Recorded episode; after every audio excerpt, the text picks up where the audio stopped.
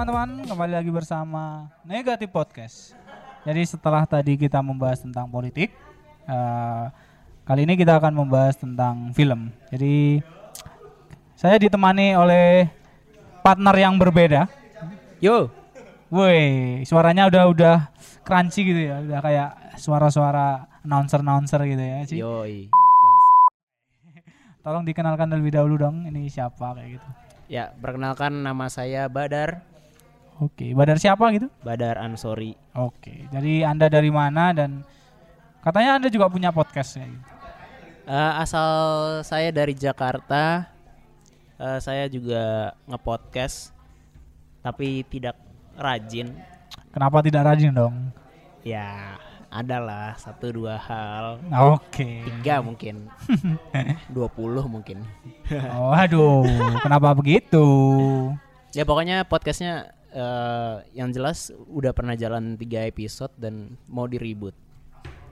Diulang lagi dari awal Oke, gitu. jadi nanti bisa lah undang-undang saya ke Bisa, sana bisa. gitu. Ntar saya eh, pastiin ya kalau misalkan topiknya lagi pas. Oke, siap.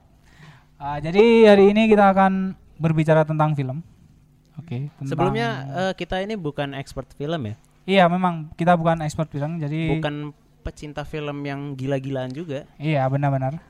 Dan yang selanjutnya adalah kita juga eh, enggak mengklaim diri sebagai orang yang sangat sangat tahu tentang film.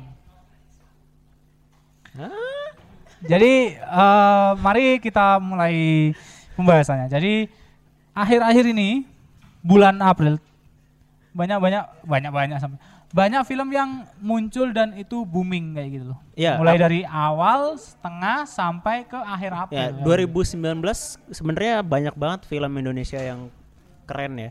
Udah ada yang banyak juga yang tembus satu juta penonton. Oke. Tapi khusus kita kalau ngomongin bulan April ini istimewa. Istimewa dong. Ada beberapa film yang sangat ditunggu-tunggu oleh masyarakat Yoi. dunia.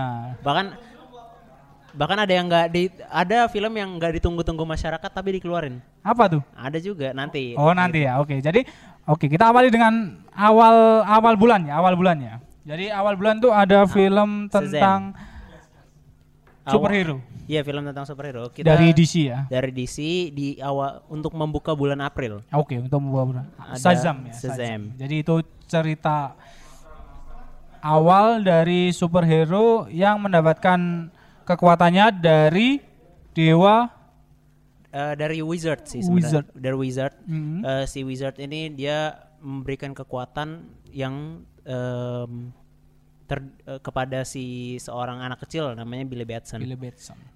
Eh, kekuatan itu terdiri dari lima lima mitologi lima ada Zeus ada Hercules Yang digabung nanti akan jadi ada Solomon dan lain-lain itu saya Shazam itu kan iya ya. saya nggak hafal itu itu apa apa mitologinya apa aja tapi Ah. ya yang- yang kita tahu dia looknya ketika jadi superhero ada mirip kayak Superman ya ada Superman tapi sih. basic kekuatannya itu bukan karena dia alien tapi karena dari magicnya itu Iya, dari magic yang dari tadi mitologi-mitologi itu kekuatannya. Ah.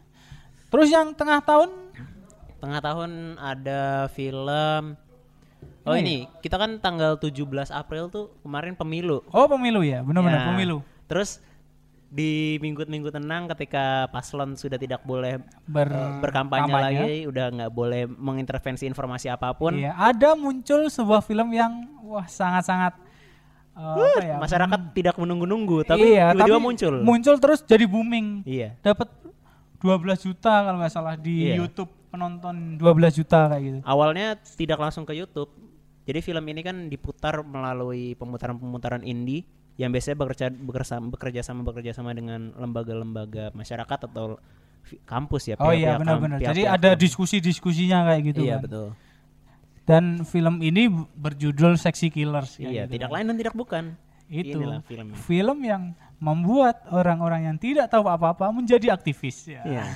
Tiba-tiba SJW jadi banyak. Ah, oh. Iya, sosokan menjadi orang yang paham tentang Dunia ling- ini. Iya, lingkungan. Oh, kan mereka mati. Tiba-tiba jadi tiba-tiba orang ini. orang-orang merasa suara saya penting nih. Iya, suara saya penting nih satu. Kalau Sa- saya golput, ini Indonesia tidak akan maju ini. Nah, bah enggak justru orang-orang ini malah jadi pengen golput gara-gara se- Oh, film Sexy. Killers. pengen golput ya? Iya. Kalau saya itu malah pengen nggak golput ketika Oh, nonton gitu. Sexy Killers gitu aja kan. Menarik Anda. Iya, jadi saya pengen kayak ah ini kalau ini dibiarkan malah semakin rusak ini. Nah, Wow. saya milih untuk memilih daripada untuk milih untuk tidak memilih kayak gitu loh. Iya, pada tapi secara umum sebenarnya fenomena yang dimunculkan oleh film ini saya tidak bilang film ini secara eksplisit mengajak golput ya. Golput ya tapi benar. fenomena yang timbul adalah orang-orang jadi pengen golput setelah Iya, nonton. karena mungkin orang-orang berpikir bahwa dari kedua pasangan calon tuh tidak ada yang lebih baik kayak gitu loh. Iya. Dua-duanya punya kepentingan yang sama sebenarnya betul. dan menunggangi orang-orang yang dibikin kepentingannya itu. Sebenarnya nggak ada salahnya juga ya dengan cara pikir itu ya. Iya, benar. Ada salahnya, tapi apakah anda yakin ketika anda golput, lalu langsung membuat perubahan? Nggak mungkin juga iya. gitu loh. Sebenarnya kalau Anda golput itu yang rugi itu Anda sendiri kayak gitu loh. Iya iya. Anda itu diajak pesta demokrasi, tapi Anda malah menjauh dari pestanya kayak gitu loh. Jadi kayak rugi sendiri kayak Iya, gitu. iya, Nggak iya. nggak rugi di siapa-siapa sebenarnya.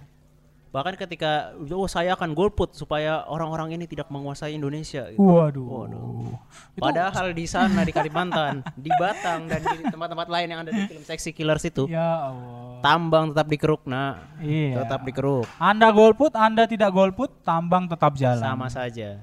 Listrik yang sampai rumah Anda itu hasil tambang, jangan lupa ya. Jangan lupa. Jangan lupa, jangan lupa. Kalau saya justru melihat film ini dari perspektif bagaimana kita menjaga lingkungan sih. Oh iya, itu juga penting sih sebenarnya. Iya, ketimbang eh, kalau yang tadi kan soal politik tuh rada abstrak gitu. Tapi kalau untuk menjaga lingkungan nggak abstrak dong. Iya kita dong. bisa langsung memulainya dengan diri kita sendiri. Kita eh, tidak membuang sampah sembarangan contohnya Hmm. atau mengingatkan orang lain untuk tidak buang sampah sembarangan juga contohnya Iya benar-benar. dan lain-lain. Dan atau menghemat listrik juga. Iya sih, yang paling penting sebenarnya menghemat listrik sih. Dan ketika saya ikut diskusi, kebetulan kan di fakultas juga ada diskusi itu. Betul. Nah, ketika diskusi itu ada anak teknik lingkungan yang berkata bahwa sebenarnya untuk menghasilkan energi, energi terbarukan itu juga mem- memerlukan waktu yang lama dan biaya yang tinggi. Betul, betul. Nah. Di filmnya juga dijelasin ya. Iya, Kalau pakai tenaga surya itu eh, lumayan jauh ya harganya kalau Heeh. batu bara berapa? Seratus. Seribu, seribu bro. Seratus, seratus. Seratus rupiah, salah perak. Segituan lah. Nah, terus eh, kalau pakai tenaga surya itu sekitar 2.400 dan Nah, iya, rupiah. kayak maksudnya jauh itu seleksinya dan memang lama membuatnya untuk tenaga itu. Jadi memang seharusnya selagi kita mencari tenaga terbarukan, nah kita menikmati dulu tenaga yang batu bara ini. Iya, betul. Ya terus banyak juga orang yang jadi campaign, wah aduh. Kalau gitu eh, gara-gara setelah nonton Sexy Killers saya jadi kalau apa saya jadi sangat memperhatikan barang-barang elektronik yang saya pakai, saya jadi menghemat. Ya Allah. Sekali cas handphone itu tidak terlalu ngaruh, Bang. Iya. Anda sekali cas handphone itu paling cuma berapa? Hei. Kalau Anda benar-benar mau menjauhi diri dari listrik, tinggallah bersama orang-orang di hutan. Iya. Allah. ya, Oke, jadi itu yang tengah tahun ya. Bersama dengan pemilu ada film juga yang muncul. Dan di akhir nih, di akhir April nih ada film yang juga ditunggu-tunggu oleh jutaan masyarakat dunia bahkan. Iya, yang setupnya sudah dibangun selama 9 tahun. Sembilan tahun. Nah, ini nih. Ini ada Avenger Endgame. Finally, Oh. Avengers Endgame. Dan ini adalah film yang saya juga tunggu-tunggu. Betul, saya juga. Uh, apalagi setelah eh tahun lalu ya, salah satu event besarnya Marvel Cinematic Universe juga. Infinity War. Oh ya, Iya. itu setelah itu Infinity War. Dulu tuh waktu nonton Infinity apa? Dulu tuh waktu nonton yang itu eh sangat gantung gitu loh. Maksudnya oh, endingnya kok seperti ini kayak Iya, gitu. iya. Sejak kapan superhero kalah dengan anti-hero-nya seperti itu loh. Iya bener-bener. Eh, di film itu bahkan setelah nonton film Avengers Infinity War kita bisa lihat orang-orang yang keluar dari bioskop tuh biasanya kan kalau habis nonton film puas habis Puas dan- pada ngobrol "Eh, Iya, ini, ini." iya, kayak gitu. semua orang tertunduk bro di Iya, setelah kayak- nonton Avengers Infinity War Benar-benar. Jadi kayak kecewa gitu loh ya. Tapi Iya. ternyata dibalas di Endgame. tahun 2019 ini. iya dengan Endgame ini ya dan itu sangat-sangat wow gitu loh tentang Ah. ceritanya, editing filmnya, Iya, betul. visual efeknya itu sangat memanjakan mata gitu. Dan saya kemarin baca itu film Endgame itu memecahkan rekor sebagai film yang paling banyak ditonton dalam waktu satu minggu Ya betul. selama ini Ya sel- selama ini selama, selama ada industri perfilman. Indus- industri perfilman betul. Nah, itu sangat sangat gila menurut saya. Luar biasa. Em, sebagai salah satu studio besar yang mengembangkan IP di dunia perfilman, Iya. pasti eh, Marvel dan Disney juga bangga dengan pencapaian yang udah mereka dapat. Iya benar. Dan pemeran-pemerannya juga bangga. Bahkan eh, pemeran yang sudah diputus kontraknya, mereka tetap sangat bangga dengan apa yang Iya betul. pernah mereka perankan selama 9 sampai 10 tahun seperti Iya itu. betul betul. Bahkan si Tony Stark wah, tidak bisa lep- eh si Ro- Robert Downey Jr. nah itu tidak bisa lepas dari gambaran Tony Stark Betul. sebagai Iron Man Banyak gitu. orang yang bilang gitu ya. Iya memang kayak- RDJ ya Tony Stark itu nggak Iya, ada, ada orang yang lain, lain kayak gitu. Kayak orang bilang Hugh Jackman adalah Wolverine gitu ya. Ya, ya benar-benar ya nggak ada yang lain kayak gitu. Dan karena itu juga saya menunggu film Iron Man yang selanjutnya kayak gitu. Jadi kayak dari premis bahwa Iron Man itu tidak bisa tergantikan, Iya, saya betul. ingin mencari apa ya? Ingin melihat Iron Man yang selanjutnya. Kan udah di udah di apa? Sedikit dijelaskan bahwa Iya, iya. Iron Man selanjutnya itu adalah anak kecil yang di Iron Man 3 itu Iya iya betul Muncul. juga. Betul. Berarti ini buat yang belum nonton Endgame ini spoiler ya. Ah iya ini buat yang no- buat yang belum nonton Endgame ini spoiler ya. Kalau belum nonton ya mampir ke Indo SS1 ya sudah ada. Anda Oh. jangan miskin ya. Sudah ada. Sudah ada ya. Sudah Anda ada. jangan bilang tidak punya kuota, tidak punya kuota. Anda datang- tiap hari luxury berapa menit sih? Iya, berapa menit? 30 menit udah nonton Anda Mahakarya. Wah, kita sebut. Mahakarya. Masterpiece. Masterpiece. Nah ini kan Iron Man yang selanjutnya itu akan digarap katanya sih 2021 kalau nggak salah. Ya, belum tahu juga ya. Nah itu saya sangat antusias bagaimana orang lain memerankan diri sebagai Iron Man, orang yang sangat Sebenarnya eh, mungkin orang ini bukan bukan sebagai Iron Man sih berperannya. Karena namanya Harley, Harley Kinner. Iya. Si Harley Kinner ini kalau dari yang saya ketahui melalui timeline di komiknya memang dia meneruskan Iron Man tapi bukan sebagai Iron Man nanti dia nama hero-nya. Oh, Ah, siapa? Nama hero-nya Iron Iron Lad. Iron? Lad. Apa itu? Nah, saya juga kurang tahu LED-nya apa. Tulisan LED-nya tuh LAD. LAD. Iya, oh. Iron Lad. Antara kemungkinan ya eh, teori aja nih yang Hmm. jadi mentornya si istrinya Iron Man itu sendiri Oke, si Pepper, Pepper Potts. Potts. Ah, Nah. Kalau saya no, ini sih mengikutinya dari apa ya? Apa sih? Kartun-kartun dari kartunnya kayak gitu. Kalau Iya. dari kartunya itu Iron Man ya wujudnya seperti Iron Man tapi eh, namanya tetap Iron Man. Heeh. Wujudnya juga sama seperti Iron Man, cuma dalam versi yang lebih kecil. Oh, Oke. Ha-ha, Waktu itu kan ngelawan siapa ya? Ultron kalau nggak salah. Ultron. Iya, jadi ngelawan Ultron itu kumpul dari anaknya eh, anaknya Thor yang Heeh. itu terus ada Kapten Amerika cilik, Oke. nah, terus ada eh, Black Widow kecil, Yap. terus ada Hulk Yap. kecil juga. Nah itu Itu mungkin emang versi cibinya aja kan. tidak dong, karena di akhir eh di di, di akhir film di akhir filmnya eh, itu ketemu sama ini Thor yang udah Udah. Thor yang benar-benar Thor kayak gitu. em- emang ada Thor yang bukan Thor. Iya maksudnya Thor yang tari Thor. Aduh, ya itu sih kalau aku nah Ya, jadi itu sih untuk film bulan ini yang yang muncul jadi Oh, masih masih ada yang pengen eh, saya omongin nih di apa Endgame. apa dong? Saya Endgame tuh dong. eh, Endgame mungkin emang oke lah di samping visualnya yang mantep, Iya. storynya juga mantep banget dan eh, menurutku eh, yang menarik dari Endgame salah satunya adalah bagaimana MCU membuat perkembangan karakter. Di situ kita bisa lihat Captain America yang kalau di film-film sebelumnya orang yang seperti apa dan di sini beda gitu. Oke, oke. Dan kita Benar, bisa benar, benar.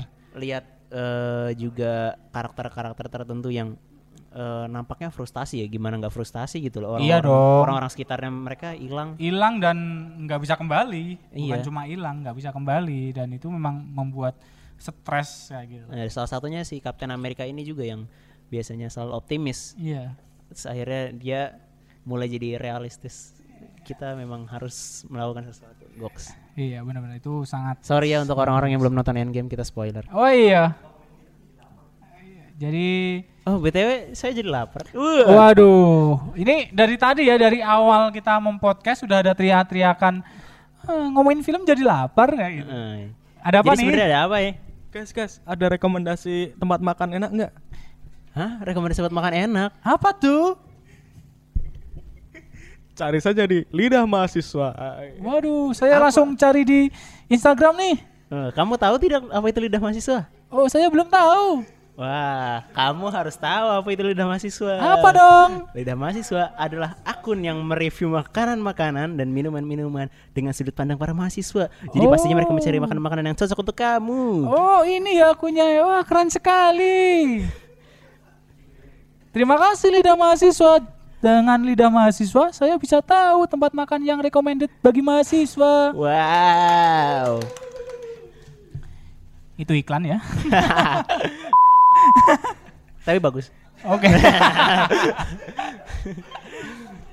Oke jadi itu udah hampir akhir ya Kita sudah eh, di apa ya April sudah kita bahas ya Jadi Oh, masih ada satu lagi, coy. apa April. dong Ah, ini dia nih. Apa dong Ada satu film yang uh, orang ekspektasinya sangat tinggi. Ya Karena ini adalah film reboot juga yang Iya. tahu eh, dulu udah pernah ditayangin dan bahkan kalau nggak salah ada dua film ya. Se- Iya. ada se- udah ada sequelnya. Ada sequelnya Terus mau di reboot menjadi film yang lebih mature, lebih eksplisit gitu. Oke Oh Apalagi kalau bukan Hellboy Hellboy. Jadi ini adalah film yang menuai kontroversi juga Kontroversi karena karena dita- eks- untuk khusus di Indonesia kontroversi iya karena ekspektasinya tinggi. tinggi dan ternyata lembaga yang terkait tidak seperti itu ekspektasinya. Dia tidak berpikir sama dengan kita kita ya. Iya. Jadi kita Sayang ingin sekali. pertarungan yang berdarah-darah, Kita iya tusuk-tusukan yang menusuk-nusuk. betul sekali. Tetapi banyak dikat. Kalau menurut informasi lebih dari 10 menit dikat Iya banyak adegan, adegan eh, yang sadis. Iya saya tidak nonton sih karena apa ya semenjak eh, kan sekarang sosmed Udah banyak udah Cepat nih. iya, cepat banget lah sangat Cepat gitu. ya. Jadi di hari pertama filmnya tayang terus orang-orang yang udah nonton langsung pada nge-review kan. Iya benar. Jadi langsung tahu Jadi- dan langsung memutuskan se- seketika itu juga ah udahlah nggak usah nonton kalau kayak gini. nonton. Dan banyak dari yang sudah nonton itu merekomendasikan untuk tidak menonton. Iya karena katanya rugi sih mereka. iya katanya rugi.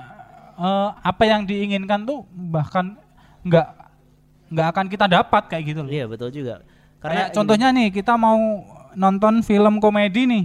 Nah, Nah kita kan ingin lucu-lucunya kan. betul. Ya maksudnya punchline punchline kan. Kita Kita ingin malah nggak lucu. Nah, malah nggak lucu-lucu jadi krik-krik. Nah, itu sama aja kalau kita nonton Hellboy, kita ingin kan adegan bunuh-bunuhan, Iya. adegan tusuk-tusukan, tapi nggak ada. Itu kayak Iya. ya hambar kayak gitu loh. Ada tusuknya, cuma misalkan pala dipotong, set, Hilang palanya kan. Tiba-tiba sudah Langsung- berganti adegan, Iya, iya, itu kan nggak diliatin. nggak diliatin. Jadi kayak memang nggak sesuai ekspektasi kayak gitu. Karena memang eh, sebenarnya yang diincar kalau dari studionya ya, kalau setahu saya, mereka mengincar untuk bisa dapat rating 21 plus. 21 plus. 21 plus, tapi kemudian eh, ketika masuk di Indonesia, ratingnya bukan 21 plus, tapi 17 ref. Iya, 17 ref. Heeh. Dan itu karena refnya itu adalah revisi, jadi ya di situlah peran sensor dan pemotongan-pemotongan bermain tuh. Nah, itu itu yang eh, sangat eh, disayangkan dan Sangat dan itu men- menjadi momok ini endgame. Jadi ketika itu kan sebelum endgame kan. Iya betul. Nah, jadi para penggemar endgame itu takut bahwa endgame juga terkena sensor Iya. seperti Hellboy. jadi khawatir ya. Nah, kita jadi nggak bisa melihat adegan kepala Thanos dipu- dipotong sama palunya Thor kayak gitu. Iya, yang kemudian ter- ternyata kekhawatiran kekhawatiran itu tidak terjadi. Tidak terjadi dan KPU juga sudah cukup baik untuk ke endgame kayak gitu loh. Ya soalnya su- Endgame juga kebut ini kan ratingnya kan 13 plus. 13 plus benar. Tapi katanya eh, ketika kita sudah nonton Endgame kita harus ini sih apa? Lebih lebih menonton apa ya? Itu adalah puncak dari film-film superhero kayak gitu loh. Iya. Jadi kayak eh, setelah nonton itu harus kita harus menikmati film-film yang lain terlebih dahulu sebelum kita menikmati film superhero yang lain Iya ya.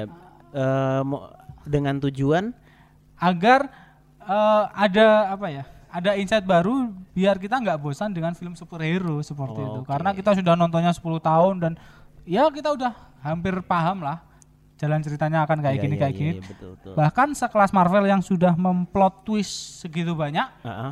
Kita tahu akhirnya kayak gitu. Nah, makanya Iya. kita harus menonton film-film yang lain dulu. Mungkin film-film dokumenter, film-film apa ya? kartun Film-film- yang ringan. Iya atau mungkin eh, film-film festival juga ya. Nah, film-film festival dan biar kita merefresh bahwa oh, masih ada film yang lain selain film Iya lain. iya. Nah, Sebelum nanti balik lagi ke film Marvel, Marvel lagi, ya, lagi, gitu ya. yang PS4, mungkin PS5 dan PS6 kayak Iya. gitu.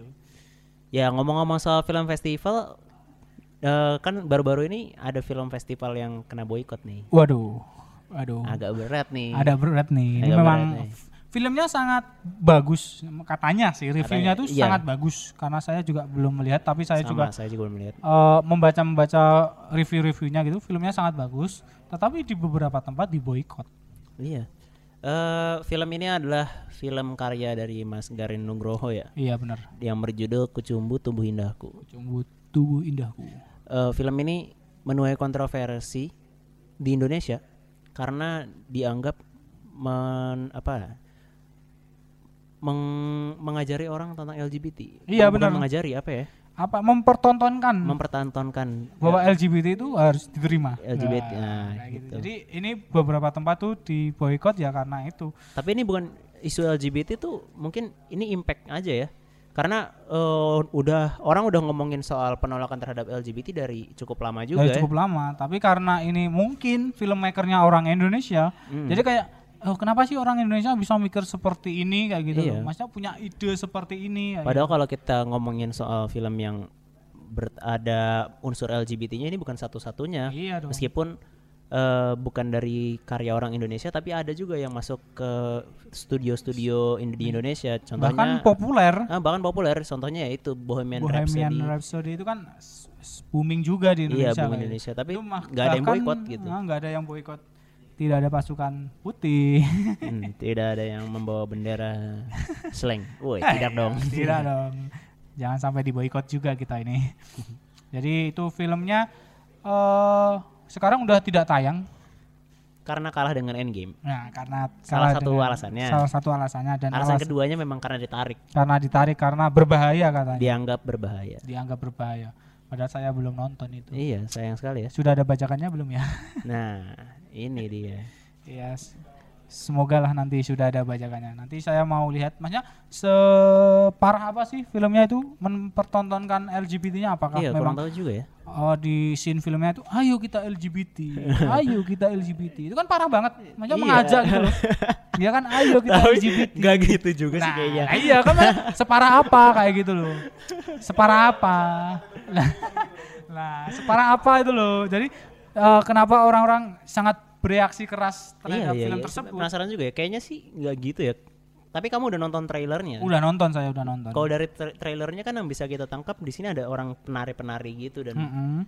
cowok yang nari. Iya, gitu. cowok yang Terus, naik, eh, dan dia rada make upnya kan kayak dibikin cewek gitu ya. Kayak cewek. Dan kalau yang saya dengar dari orang lain juga eh, memang orang i- orang ini eh, jadi penari itu karena ini kan settingnya dulu ya ketika Zaman dulu. zaman-zaman dulu eh, ketika sang- masih sangat patriarki sekali mungkin ya Iya, karena cewek-cewek nggak boleh sembarangan keluar kemudian yang menjadi penari-penari tradisional ini justru malah yang cowok-cowok Cowok-cowok, bener. Nah, dan bermula dari situ dia mendalami peran segala macam Sangat dalam, sangat dalam terlalu dalam bahkan mungkin terlalu ya. dalam sampai akhirnya dia mendapatkan sesuatu apa ya? sesuatu yang baru yang gitu. baru kayak Eh, gitu. dan yang baru itu ya Ya tontonlah filmnya. ya tonton aja filmnya Teman-teman gitu. nanti bisa Saya juga- menyimpulkan bahwa apakah itu memang mengajak untuk kita LGBT atau memang film tersebut benar-benar seni karena Iya. menurut saya film yang bagus itu ya apa ya bebas gitu loh maksudnya Ha-ha. freedom. Nah kayak biasa ya udah kalau kalian pengen mengatakan sesuatu tentang hal yang eh, absurd atau tabu silahkan Iya, lewat iya, film. iya, iya. Betul, biar betul. kita yang menonton film tuh bisa apa ya bisa mentranslatekan apa yang kalian inginkan kayak gitu loh. Oh ternyata iya, iya, orang yang kayak gini tuh kayak gini. Contohnya seperti film zaman dulu tuh ada serigala terakhir kayak gitu loh. Ha-ha. nah itu film kekerasan pertama yang saya tonton sih sebenarnya. Oke. Jadi itu kayak menceritakan bahwa hidup di Era- eh, era-era seperti itu berkelahi terus narkoba. Heeh. Nah, itu sebenarnya hal yang biasa kayak gitu loh. Menurut si filmmakernya dan Iya, saya iya. bisa mentranslatekan itu. Nah, akhirnya padahal waktu itu masih kecil juga kamu pas nonton eh, nontonnya udah gede dong. Udah gede? Nah, tapi itu adalah film pertama yang saya tonton tentang Oke. kekerasan kayak gitu.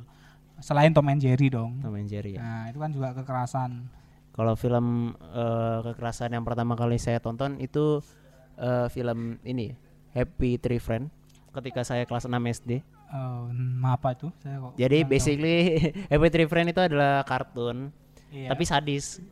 Kartun eh, mereka tuh jadi kayak karakter-karakternya tuh lucu-lucu gitu. oh. lucu-lucu, Tapi saling bunuh-bunuh, tapi bunuhnya sadis gitu kayak misalnya matanya Iya, ma- diledakin, matanya iya. dic- oh habis itu tangannya dicabut Dita- jadi Oh iya, tahu tahu tahu. Oh, tahu tahu saya. Iya. dan di tahun yang sama juga nonton Rumah Dara.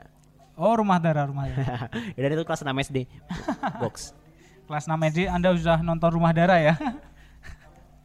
ya, itu adalah film-film Jadi kalau teman-teman memiliki ide atau apa ya, keinginan untuk menceritakan sesuatu hal yang bi- tidak bisa diceritakan secara langsung, bolehlah teman-teman menceritakannya itu lewat film kan? Ya, betul. Film adalah salah satu medium untuk eh, bercerita gitu. Iya, benar-benar. Ketika itu justru malah eh, dihalang-halangi, Dihalang-halangi atau dibatasi dibatasi ya sayang juga. Berarti kan membatasi kebebasan, berekspresi kebebasan tadi. orang. Padahal kalau orang nggak bisa berekspresi kasihan juga. Lah iya. Mungkin eh, mediumnya aja yang belum apa ya, belum ideal atau bagaimana Iya, ya. padahal kan kebebasan juga diatur dalam undang-undang kan. Iya betul. Nah, ya kebebasan berbicara, kebebasan ber- berserikat, berkumpul itu kan dibebaskan di undang-undang. Nah, Iya. ketika kita taat pada undang-undang ya jangan kita membatasi kebebasan orang lain Nah, gitu. ketika sebenarnya tadi saya sempat pikir gini, apa mungkin sebaiknya film semacam Kucumbu Tumbuh Indahku ini tidak perlu ditaruh di bioskop itu karena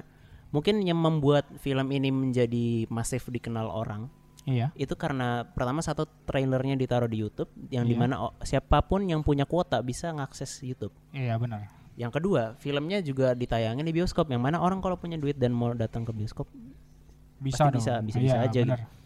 Tapi setelah saya pikir-pikir lagi mungkin orang-orang ini juga eh, Mas Garin khususnya mungkin yang bikin filmnya berpikir ini film menang eh, penghargaan festival internasional loh. Iya, benar. Masa it- apa tetap menjadi kontroversi di negara sendiri? Iya sih. Sebenarnya kalau balik lagi seperti itu itu ya ini mindset masyarakatnya sih sebenarnya. Belum Iya, siap. Belum siap ya? Jadi mindset masyarakatnya itu eh, masih orang zaman dulu, tapi keinginan zaman yang maju. Iya, iya, Jadi iya, iya. belum siap gitu loh, belum. Memang menurut saya belum siap. Memang sebaiknya teknologi itu ma- masuknya bertahap ya, biar nggak Iya, kayak benar. yang lagi rame di Twitter juga tuh ada apa tuh? ada tuh video pendek mbak-mbak eh, datang ke studio berdua dia bik- nge- bikin instastoryan gitu bilang curhat ih masa aku pengen nonton tapi tiketnya udah habis katanya orang-orang udah mesen sebelum oh iya, iya benar, sebelum benar, benar. sebelum hari penayangannya emang kayak gitu bisa ya bisa itu namanya pre-order Iya ya benar-benar itu yang lagi viral juga di Twitter ya benar-benar. Iya. Aku nonton tuh. Ya mbaknya cantik sih sebenarnya. Loh. iya. makanya harusnya tek- dia tuh harusnya lebih paham bagaimana cara mesen tiket dulu ketimbang cara makin instastory kebalik iya gitu. benar-benar. Jadi, Jadi pikir masyarakatnya itu harus memang kita li, apa ya bukan kita sih tugas bersama untuk meliterasi bahwa ketika anda ingin maju ya benar-benar benar-benar masyarakatnya ditata dulu untuk menerima kemajuan ini. Iya, betul. Jangan sampai nanti kita ke daerah yang terpencil bawa pesawat, bawa drone, dikira alien kayak gitu loh. nah itu Nah, Ntar kayak ada tuh di Afrika, saya pernah diceritain juga katanya ada satu negara di mana di sana eh, pesawat terdampar tapi disembah. Nah, itu. Makanya Jangan memang sampai kayak gitulah ya. memang harus apa ya? Tingkat pendidikan tuh memang harus ditingkatkan lagi Iya, sih. jangan sampai eh, justru malah hal-hal kayak gini mengorbankan orang-orang yang ingin berkarya gitu. Iya, benar-benar. Dan orang yang ingin menikmati karya juga. Ya betul. Kayak gitu kayak Kayak kita saya- berdua nih, Iya, belum saya- sempat nonton ke bioskop. Waduh. Waduh, udah Karena kemarin kan di duit boykot. duit kepake buat nonton Endgame, Endgame nih. Harus Nabungnya Nah- tuh mahal loh. nahan-nahan dulu nih. Kita kan orang biasa ya, tidak yang Nabungnya tuh. tidak yang habis nonton terus ada film baru langsung nonton lagi, nggak Ya, bisa Bu, gitu. Kita itu anak kos ya, sebulan tuh kita cuma dapat 200 ribu. Nah, itu Buat 35 ribu nonton tuh kita pikir-pikir selama 10 hari. Iya, karena 35.000 ribu kalau dikonversiin menjadi makanan itu bisa buat Dua hari, dua hari, tiga dua hari. tiga hari bahkan ya. Iya, benar-benar. Oke, karena kita sudah 30 menit berbicara di sini, saatnya apa ya? Kesimpulannya, kesimpulan. Mungkin Kesimpulannya. kesimpulan dari Saya tidak ingin menyimpulkan sih. Saya cuma pengen bilang ini aja lah. Eh, kita sebagai orang yang suka nonton film atau siapa pun kalian yang memang senang nonton film, ya marilah kita sedikit demi sedikit eh, mempelajari hal-hal lain juga. Karena film itu kan tidak semata-mata film gitu, tapi Iya, eh, hal-hal dalam membangun film itu kayak misalkan ilmu-ilmu sosiologi, psikologi dan lain-lain juga pasti dipakai kan untuk membangun emosi segala macam. Iya, Dan untuk eh, mungkin khususnya sosiologi ya biar nggak terlalu ke trigger karena sa- sadarilah kalian bukan satu-satunya masyarakat yang eksis di dunia ini. gitu. Iya, benar-benar benar. Harus kalian sadari. Jadi biar kita sama-sama enak lah. Oke, Eh, kalau dari saya sendiri eh, juga nggak ada kesimpulan sih. Saya hanya ingin berpesan bahwa ketika kalian suka sesuatu ya sukai hal tersebut seutuhnya, jangan cuma suka hal-hal yang kalian senangi, tapi sukalah juga hal-hal yang kalian tidak senangi karena itu akan menjadi insight baru bagi kalian dan ilmu baru bagi kalian. Betul. Oke, udah cukup? ya itu. Tidak ada yang salah ya dalam ilmu ya. Apa dong? Yang penting bagaimana menggunakannya. Jadi apa pun diserap aja. Oh, Iya, bahkan ilmu hitam serap aja nggak apa-apa. oh iya ya benar-benar. benar. Yang penting bagaimana menggunakannya. bro. Iya, jadi kalau ibarat eh, kita penjahat nih, kita punya banyak senjata kayak gitu. Ya betul. Nah, tinggal kita mau pakai senjata yang mana ketika kita mau berperang kayak gitu. Ah, betul. Bahkan polisi pun perlu belajar bagaimana cara ny- nyopet Iya dong, biar tahu bagaimana perilaku copet. iya dong. Nah, gitu. Itu teori versi Badar ya. Untuk Pak Polisi jangan didengar. Eh serius bro ini bro biar Iya, ya benar benar benar benar. Oke, karena sudah 30 menit, eh, saya pamit. Terima Saya kasih.